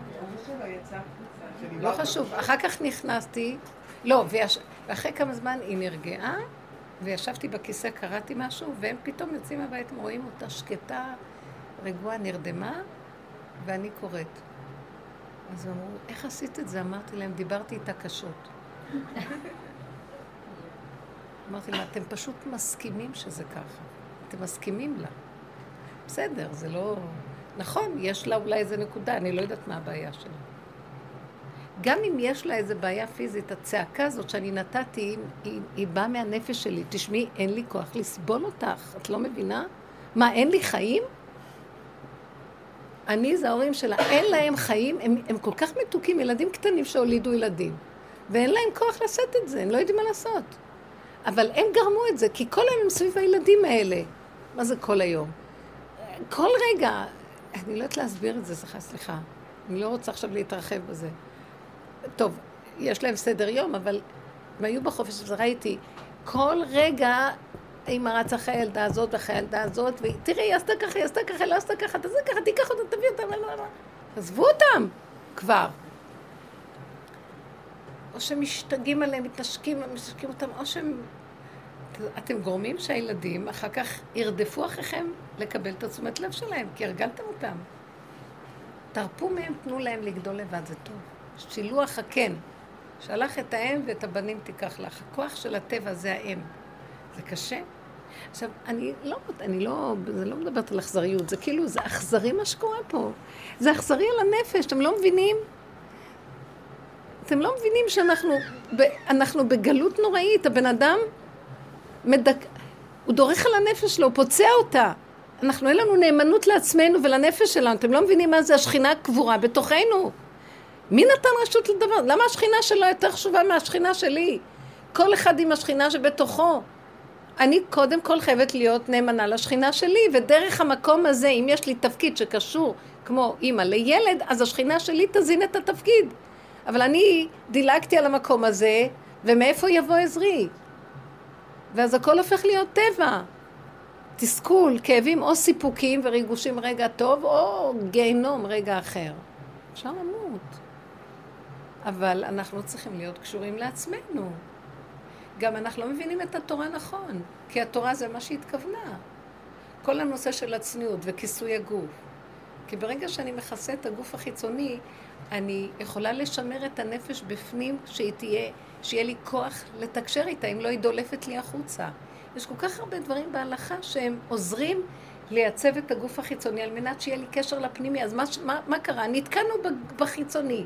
כל היום הן בודקות את הגרביים שלהם בסמינרים, את החציות ואת האורך, ורודפים אחרי משמרת הצניעות, ושכחו את התכלית. הצניעות היא דבר, היא מעלה מדהימה, אבל היא צריכה לשרת נקודה פנימית. זה כאילו את שומרת על הקופסה, על מנת שמה שיש בתוכה עכשיו אפשר לטפל בו. וככה אנחנו מאבדים את נקודת האמת שלנו ואת הנאמנות לאותה נקודה, שממנה תוצאות חיים. אנחנו לא חיים נכון. פשוט לא, וזה נקרא גלות. אנחנו בפלונטרים, וכל הזמן תקועים עם הגוף הזה. כמה נאכיל אותו כבר, כמה נשקיע אותו. הרגשתי כל כך הרבה בזבוז בשבת על האוכל, על הילדים ועל על הדיבורים, בזבוז, פשוט בזבוז. וכך, בגלל זה פעם התורה הייתה אומרת לגברים שהם יהיו מאוד שמורים לא להיות קרוב לנשים הרבה. כן, כי כתוב, תלמידי חכמים שלא ישבו אצל נשותיהם כתרנגולים. כי הם מאבדים את הריכוז של הנקודה של האמת ואת התמצית של הקיום החזק לפעולה, לתכלית של התיקון. כי ברגע שהוא נזרח אחרי אשתו והילדים, אז הם הולכים לאיבוד, זהו. הכל, הכל, כולם סביב הילדים האלה, כולם סביב המזונות האלה, כולם סביב החיים. מה זה? מה יש כבר בחיים? יש כל כך הרבה זמן צריך לבזבז עליהם. על הקיום של החיים. תגידו, אתם מבינות מה אני מדברת? זה יותר מורגש בדורות האחרונים. נורא ואיום. פעם היה סדר מסוים, כי לצורך התיקון הדברים ידעו ככה, עכשיו יש ערבוביה מאוד גדולה, והערבוביה היא לצורך אה, שבירת עץ הדת. אבל לפני השבירה יש איזה כוח של קליפה שגונב מאוד חזק. הנשים שולטות מאוד חזק ולא בצורה נכונה. השליטה הרגשית, ויש משהו אפילו לא חכם, לא חכם. שליטה רגשית מאוד גדולה של התפזרות הכוחות. הרבה רגש, הרבה סערה, הרבה חרדה, הרבה דאגה, אה, הרבה מאמץ. עוד הגברים הם יותר מאוזנים. הוא לא יכול, אז הוא נותן לאישה את הילד והוא הולך. כי הוא לא יכול, הוא צריך גם לחיות, הוא יותר נאמן לנקודה שלו.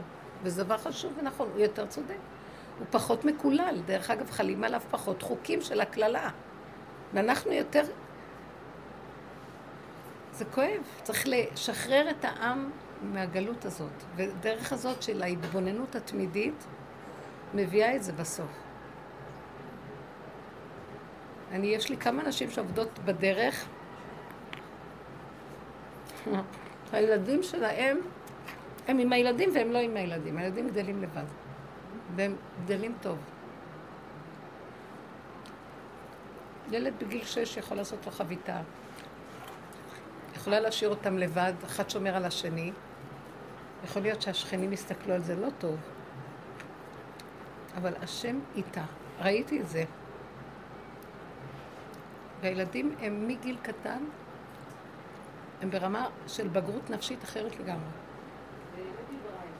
הם קשורים עם השם, הם יודעים לתפקד, הם מסדרים לעצמם דברים, הם, הם מטפלים בעצמם. היא יכולה לקום, לנסוע יום שלם ולא להיות איתם. אז זה יבוא, יטפל בזה, יעשה לזה, מאשר האוכל עושה דברים, יש דברים שלא עושה והם עושים. ומשהו, היא אומרת לי, אני עובדת עם עצמי לסגור את המוח שלי בכלל. לא לדאוג. הרבנית, אני רואה לפעמים מציאות אחרת, אני רואה אימהות שממש, שאין להם כוח יותר לילדים, יכולים לשים אותם לראות אה, כל מיני סרטים במחשב, או אה, לא לטפל, לא, כאילו פשוט לתת להם לרדת למטה לבד, והילדים מופרעים. הילדים באמת רואים שיש להם איזה... זה לא נקרא כי היא לא עושה עבודה אמיתית. אותה אישה עושה עבודה אמיתית, היא כל הזמן קושרת את זה עם השם. היא כל הזמן אומרת להשם, אני לא יכולה, גם אני בן אדם, אני רוצה לחיות. אני רוצה לחיות, לבוא לעשות. והיא הגונה עם הנקודה שלה. איפה שהגבול, איפה שאני רואה שזה גבול וזה אני יוצאת, איפה שיש לי עוד יכולות ואני נהנית, היא נהנית עם הילדים, היא תהיה. לא נהנית, היא הולכת. היא אומרת להם, אתם רבים? אני הולכת. היא הולכת. אז הם לומדים ככה בצורה מאוד מאוד נכונה את המהלכים. אותו דבר עם הבעל שלה, היא גם כן משאירה אותו, עושה דברים, לא, היא לא משתעבדת לכלום. היא, היא חיה עם, עם עצמה בהסכמה, והיא לא מפחדת שיקרה משהו. כי היא משלימה לגמרי, ואז לא קורה כלום. הבנתם? כי אדם, כשהמוח שלו פתוח ומפחד, אז כן, את אשר יגור אותי בא לי, אבל כשהיא שלמה עם הנקודה וזהו, גם לי יש חיים, ככה היא עושה. ויש השגחה מאוד גדולה שם, ראיתי את זה. והילדים גדלים מאוד טוב.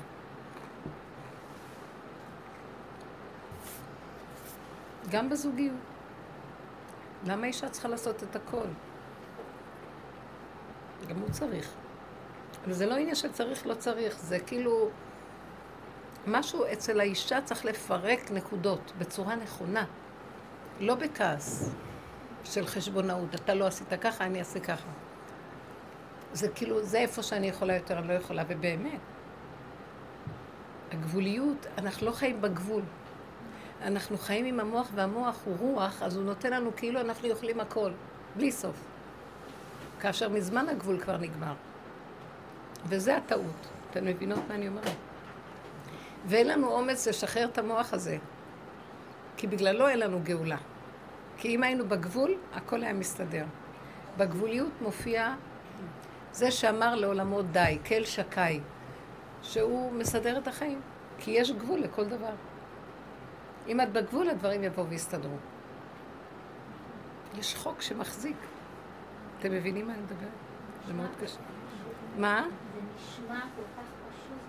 זה פשוט. אנחנו מסובכים מאוד. אנחנו מאוד מסובכים.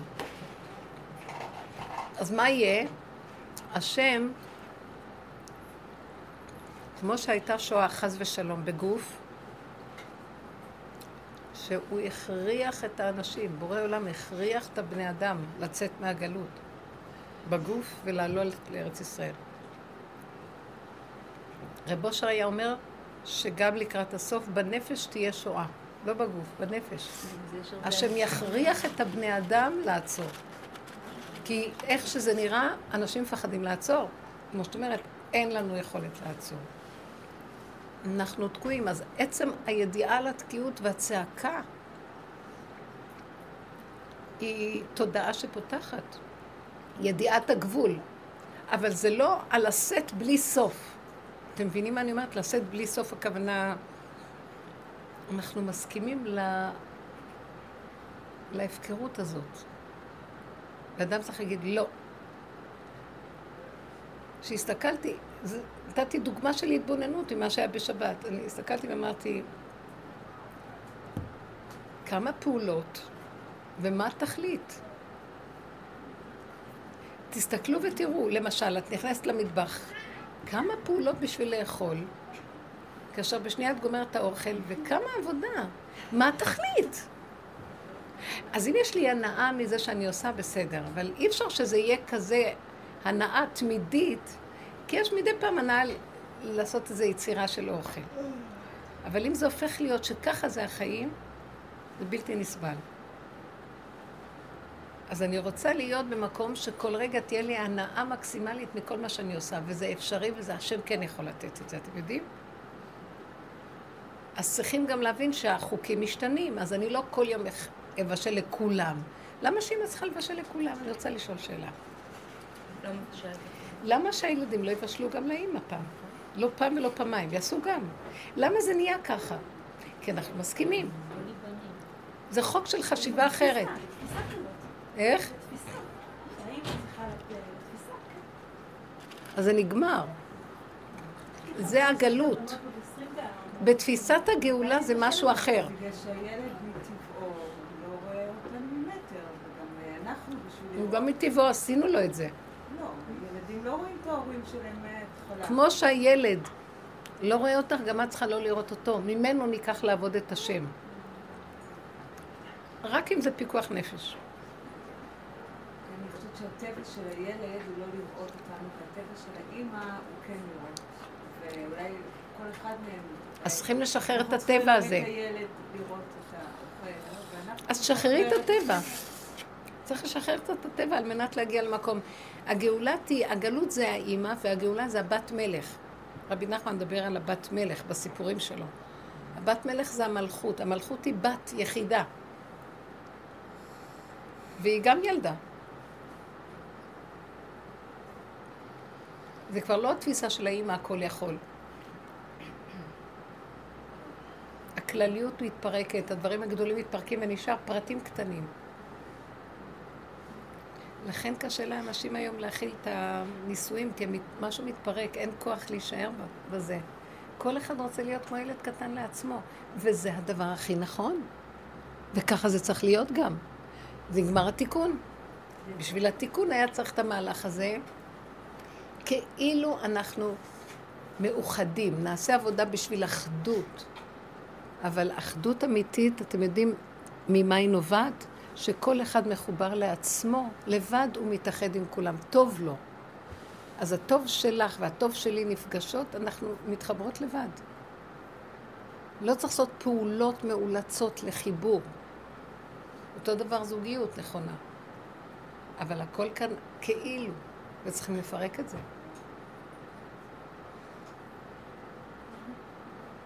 זאת העבודה, ההתבוננות המתמדת במקום הזה.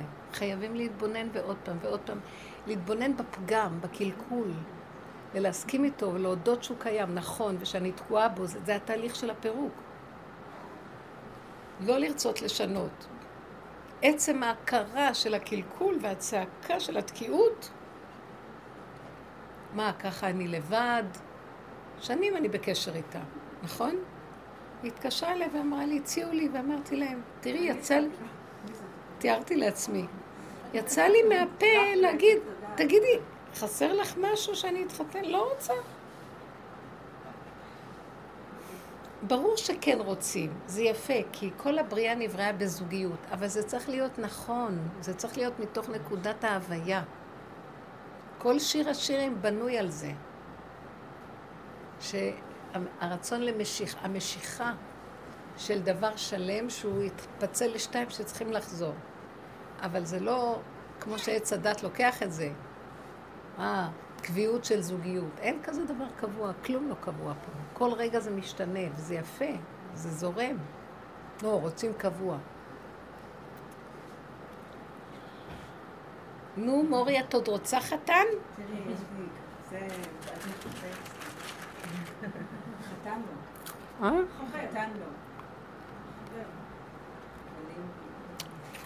חתן לו. מה כן? תתחילי להפסיק לבשל. מה? אפשר להתחיל להפסיק לבשל. הפסקתי. בגלל טורטיות. יש משהו, אם לא נפרק את זה אצל אנשים, שהוא רוצה להיות קורבני. ילד. הוא מחפש מישהו שיקריב אותו קורבן. כן, בתת הכרה, יש הכהן ויש את הקורבן. הכהן מקריב את הקורבנות. והעבודה הזאת, שעצרו מפתחות ביד שלנו, אני הכהן רגע אחד ואני גם הקורבן רגע אחר. בסדר, יש פעמים שאנחנו כן צריכים להקריב את עצמנו לפני השם, כן. אבל זה משהו אחר. זה הבחירה שלך וזו עבודה פנימית נכונה שהיא עובדת נכון עם, עם כל דבר, אבל פה לא. את נשלטת. ואז חלים עלייך חוקים שמצערים אותך, ואת כבולה בהם, ואת לא רוצה אותם. זה התסכול הנוראי של החיים. מה נעשה? קחו את הדברים ותחיו אותם הרגע, בקטנה. תשחררי את הילד שאת רואה שאת מדי אה, כבולה.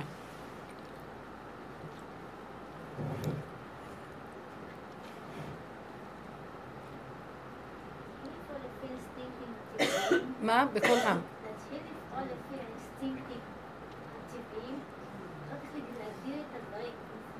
תקשיבי רגע, אני רוצה שנזכור את הכללים של העבודה ותמיד תתחילו איפה שיש מצוקה ותקיעות.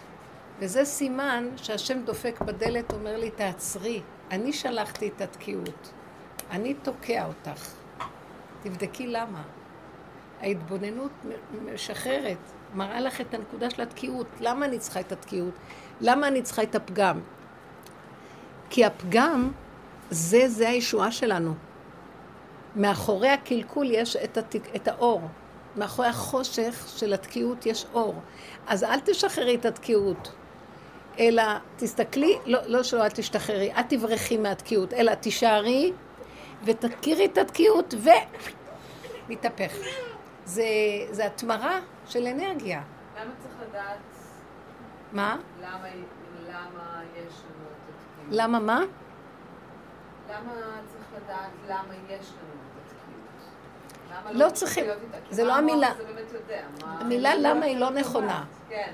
היא לא נכונה למה יש לי. למה זה את רוצה לדעת על המה.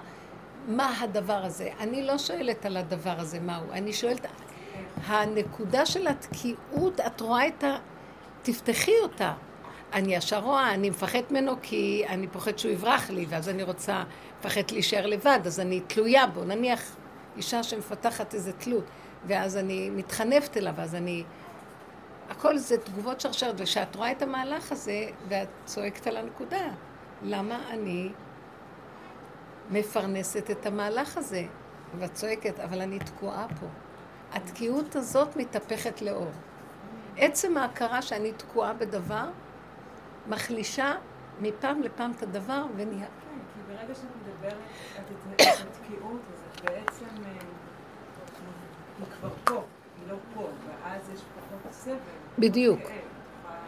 כי ככה היא מסתתרת. היא בעצם מסתתרת, והחיה מסתתרת. ברגע שאת שמה עליה פנס, היא מתחילה להינמס, היא לא קיימת.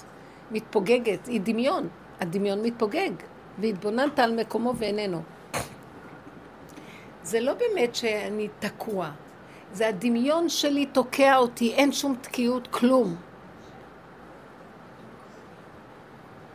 אבל צריך להתעקש על זה. אני ראיתי שאני, המצוקה שהייתה לי, כאילו, מה כל זה, אני יודעת איפה התקיעות שלי. כי אני חושבת שאני באמת רואה שיש לי איזה שליחות בדבר. אז אם זו שליחות שלך, היא צריכה גם לקבל את הכוחות לשליחות. אם אני עוד מרגישה את, ה, את העומס של השליחות הזה ממני, התנדבתי אליה. למה שאני אתנדב? מה יוצא לי מזה? אני עמלה ביגיע, אני מתייגעת לחינם. ימותו ולא בחוכמה. בשביל מה?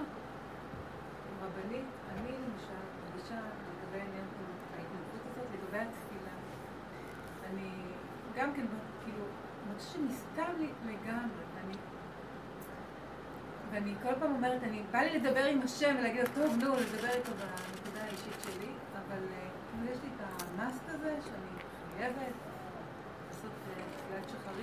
איזה תפילה את מדברת נסתם לך? הקשר של הדיבור עם השם? לא, נגיד התפילה הכתובה, נגיד, שחרית. תפילה כתובה? אז... אה, התפילה הכתובה, ביחס לאמת, התפילה הכתובה היא שייכת לתוכנת עץ הדעת. אני יודעת, אז זה מה שאני שואלת את אין לה השראה כבר. אז אני שואלת את הרבנית, אז מה אני עושה? כי אני לגבי התפילה הכתובה... שבא לי לדבר עם השם, ואני מרגישה שאני מבזבזת את הזמן מקריאה לו את הטקסט, מה שכתבו לי. אז תתפללי מהלב. ואני אני אומרת כאילו מה, ואם אני לא אעשה את זה, יש לי רגשי אשמה, כאילו אני לא בסדר, או... הרגשי אשמה זה שטן גדול. כן, אז... אני שואלת לרבנית, זה בסדר? אני אגיד לך מה שתעשי, אני אגיד לך פרקטית. קחי את התפילה הכי קצרה, כן. כי מה שנקרא, קיבלו על עצמן, יש מושג כזה, שנשים אוקיי, קיבלו על עצמן תפילה ביום. אוקיי. קיבלו על עצמן תפילה ביום. אנחנו פטורות מהתפילה. מדי רבנן, אבל תפילה ביום נשים קיבלו. השחרית היא ארוכה, כן. אז למה שלא תקבלי עלייך את המנחה? מנחה בשבע דקות את יכולה זאת לגמור. אומרת, רק את המנחה. מנחה, תגידי ברכות השחר, קריאת שמע. ומנחה. וכל שאר היום תהיי קשובה לנפש, ולפי תהלוכת הנפש תדברי עם השם. אין לי בעיה לדבר עם השם. כל רגע. של מצוקה זה זמן של תפילה. הוא תוקע אותך עם הגבוליות כדי שתעלי אליו את הנקודה. זה, זה תפילה מדאורייתא. אני לפעמים מגיעה לעיר הצהריים בשביל לדבר איתו קצת. כן, כן. שאפשר יהיה קצת כן. התפילות האלה נתקנו לגברים, אבל נשים לא היה לנו, כל הגלות הזאת נסתמה, הנפש נסתמה, ולא יצרנו איתה את הקשר הנכון, אז כן. לא ידעו לקרוא, עד לפני שתי דורות הנשים, האימהות לא ידעו לקרוא בכלל, הן היו שמות את הידיים על המזוזה ומתפללות, מהלב. מה יעשה? לקחת כן? כן, בלי מצפון, בכלל לא. בלי מצפון, גם פטרו אותנו, אוקיי. פטרו אותנו, לא, חז"ל תודה. פטרו את הנשים כי יש להם ילדים, מאוד קשה.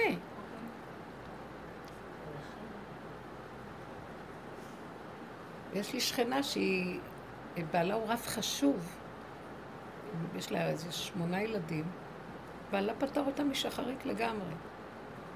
בלי מנחה. גם מנחה אם היא לא יכולה, אז משהו קטן שיש לה איזה זמן להתפלל. כן. התפרק כל המושג הזה של אה, אמונה, וכל פעם את אומרת, תשליכי את זה אליו, תשליכי את זה אליו, ואני לא, ואני לא מצליחה להבין את המושג. הזה. התפרק אני לך חושבת המושג שאין ש- כלום. מה זה אליו? מי זה? מה זה השם? כאילו, אני חושבת שממש... אה, התפרק לי לגמרי המושג הזה. רגע, רגע, רגע. היה לך פעם מושג כזה? כן, אני גדלתי בבית אה, מסורתי. והתפרק לך, זה התפרק לי, ואני... ועכשיו מה? ועכשיו פתאום ברגעים שכאילו של משבר, או של משהו שכאילו אני צריכה את להחזיק בו, אני- אין לי מי לדבר, אני מרגישה שאני לא מצליחה ל... למה?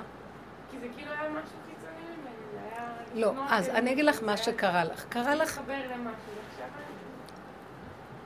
אני... אסביר לך מה קרה לך. בתוכנת עץ הדעת חינכו אותך שיש השם ותפילות, נכון? של הסידור. בוא נגיד. בסדר. עכשיו-. אבל את יצאת מזה, לא רצית את זה, כי הרגשת שיש שם שקר. אז עכשיו, מחפשת, נפל לך השם של המוח. השם של הטבע הזה נופל. ועכשיו את מרגישה שאין לך השם אחר. את יותר מגיעה לאמת ממה שרוב האנשים. אבל בדרך שאנחנו מדברים, המצוקות שעוברות עלייך הם הם כמו דפיקה, פעימה מהשם, כוח, מה זה השם? כוח האנרגיה של החיים, שהוא לא בשמיים, הוא פה חי איתי. ומה שאנחנו מותנים בדעת הרגילה, אנחנו באמת עוזבים את זה מה שפה, בגלות, וחיים עם זה שיש השם, ואת זה סגרת לך, לא רצית את זה. אמרת, זה לא מדבר אליי. זאת אומרת שאת משליכה, את קושרת את זה אליו, את מפרידה את זה. נכון. עכשיו את אומרת, לא, אני לא, הוא לא בשמיים. אבל את לא מספיק רואה שהוא גם נמצא פה איתך. נשארת בלי כלום.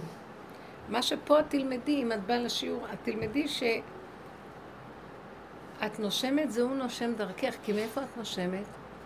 את חושבת שאת נושמת וחוץ מזה יש השם? או כשאני עכשיו מדברת, מי מדבר מהפה שלי? אני מדברת? מי זה אני הזה בכלל? אני מרימה את היד. מי מרים לי את היד? אני רוצה לומר שאותה אנרגיה שבמוח נדמה לי של השם שיושבת בשמיים, באמת באמת היא חיה פה, זה אנרגיית החיים. את רואה את הכוס הזו עומדת? מי נתן לה את החוק שיכולה לעמוד? היא הייתה צריכה להיעלם בשנייה אם לא היה מי שמחיה אותה לרגע, את מבינה? כל דבר שאת רואה אותו פה, יש חוק שיוצר אותו. מי זה שיוצר את החוק? אז תגידי, טוב, יצרו את החוק ואין כאן אנרגיה. לא. אם הדבר הזה עומד, יש אנרגיה שמחזיקה אותו. האנרגיה הזאת, החוק נמצא בה. זה כמו הגנים שבתוך הכוס. כי לא על הלחם לבדו יחיה האדם, כי אם על כל מוצא פי השם. בתוך הלחם יש מוצא פי השם, וזהו, האותיות לחם. שם יש אותיות שגנוז בהם האור האלוקי, כן. האותיות הן כוח האלוקי. אז ברגע שאת פותחת את הפה ואומרת, אז זה השם. את חושבת שהוא צריך להיות בשמיים ואת פה יושבת ואת צריכה לדבר אליו. באמת, הקופסה הזאת, הגוף הזה, זה השם. והאנרגיה שמחיה אותו, זה השם. וכל מה שעובר עליו, זה השם. מה זה השם? מעניין למה קראו לזה השם, בלשון חז"ל. כי זה השם של הדבר, הוא המהות של הדבר, הוא ההוויה שבדבר. מבינה? השם. כי שמו הוא. כל חיות יש בשם שלו, מבינה? כוס, כף, וו, סמך, זה עכשיו יוצר את המציאות שיש לה אפשרות להתקיים, משהו מחזיק אותה. הקומבינה של האותיות יוצרת את המציאות שמתגלה הכוס. זה אלוקות. מבינה מה אני מדברת? עכשיו, למה את, מה שקורה איתך, את אומרת, זה האלוקים של השמיים לא רצה אותו, זה לא רצה, זה לא מרגיש לי אמת. אבל נשארת כאילו את עם, עם אני פה לבד, ואין לך קשר להשגחה. אז ההשגחה הזאת, שהיא שכינה, שחי בתוכנו, היא כל תנועה. ובמיוחד כשבא איזה שינוי, מצוקה. האדם במצוקה יוצאת לו תפילה מעומק הלב, נכון? למה? מאיפה זה בא לך? אה, אדם שהיה, היו סיפורים של אנשים שפתאום אה, ברגע נכנסו למערבולות מים, או הלכו לאיבוד באיזה יער מפחיד או משהו, פתאום הם אמרו קריאת שמע או צעקו לאלוקים, שאף פעם לא היה לו קשר איתם, לא היה להם קשר איתו. מאיפה זה בא? אנרגיית החיים בתוך האדם יוצרת את הצעקה הזאת, כי היא קיימת בתוכנו, כי היא מנשימה אותנו רגע רגע. אז את צריכה להתחבר אליה, להאמין שהיא קיימת בתוכך, כי אם את נושמת והולכת ובאה, זה השם. מבינה? עכשיו, האותיות שאת פותחת את הפה, מתחיל לגלות את אותה אנרגיה. זה הסוד של אין כוחנו אלא בפה. תדברו, אם זה במצוקה, ואם זה בהודיה, תודה על משהו טוב שקורה לי. בשתי התנועות האלה צריכים לדבר.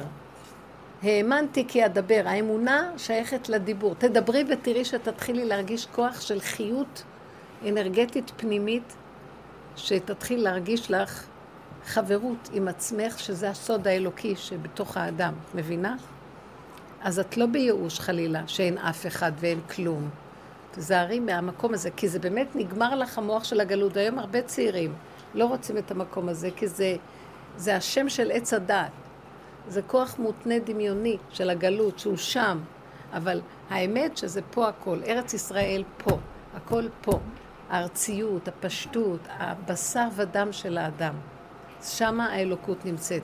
זו תפיסה אחרת מהעץ הדת והגלות.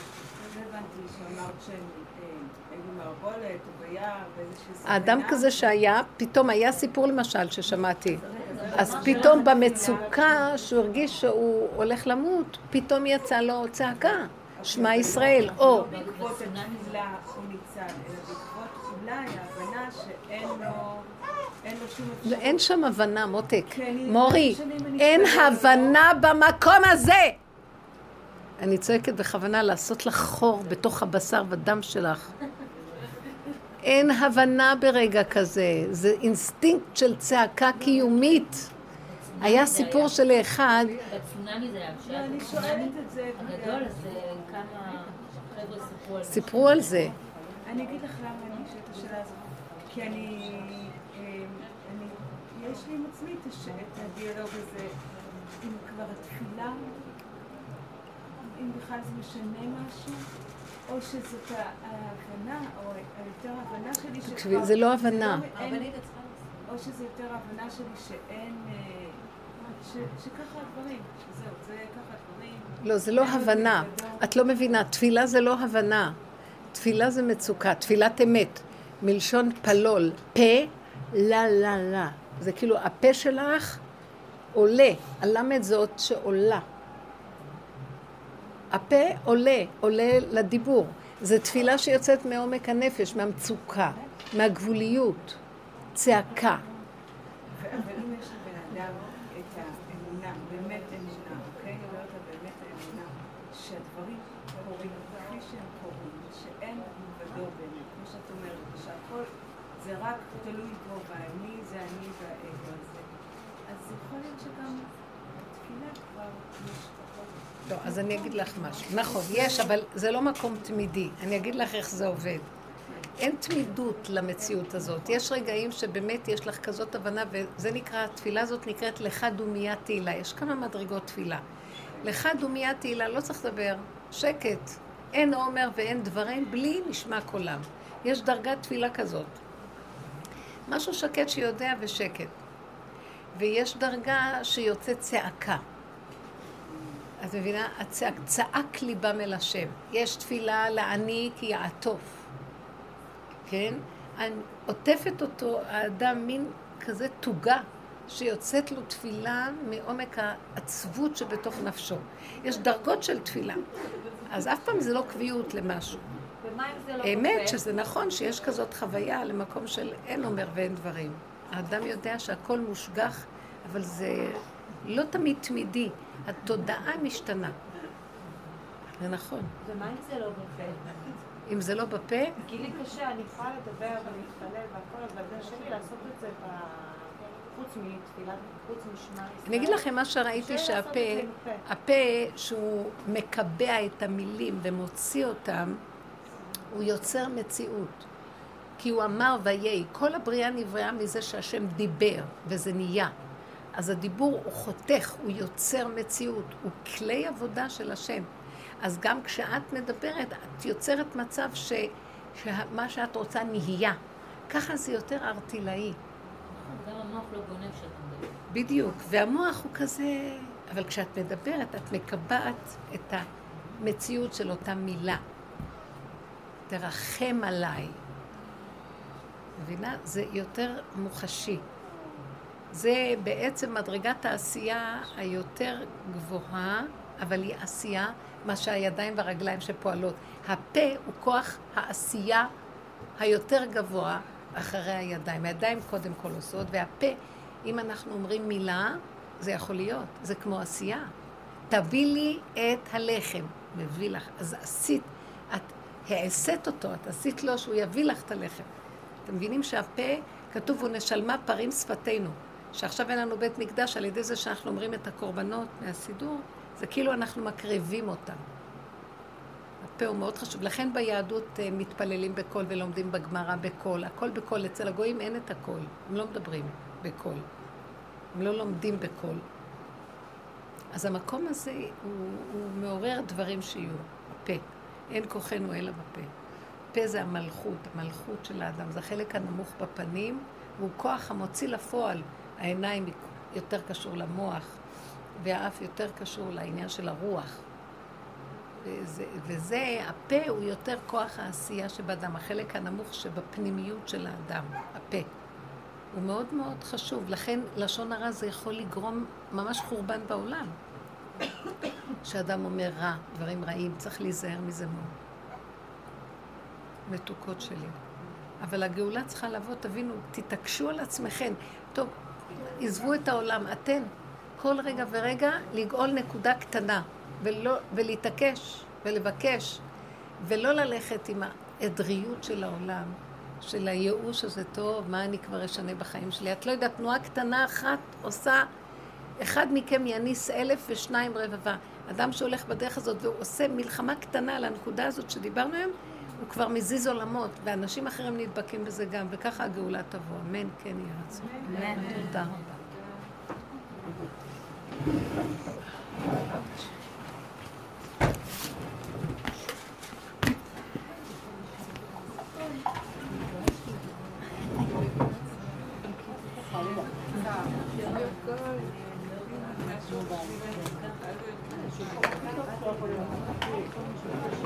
Thank you.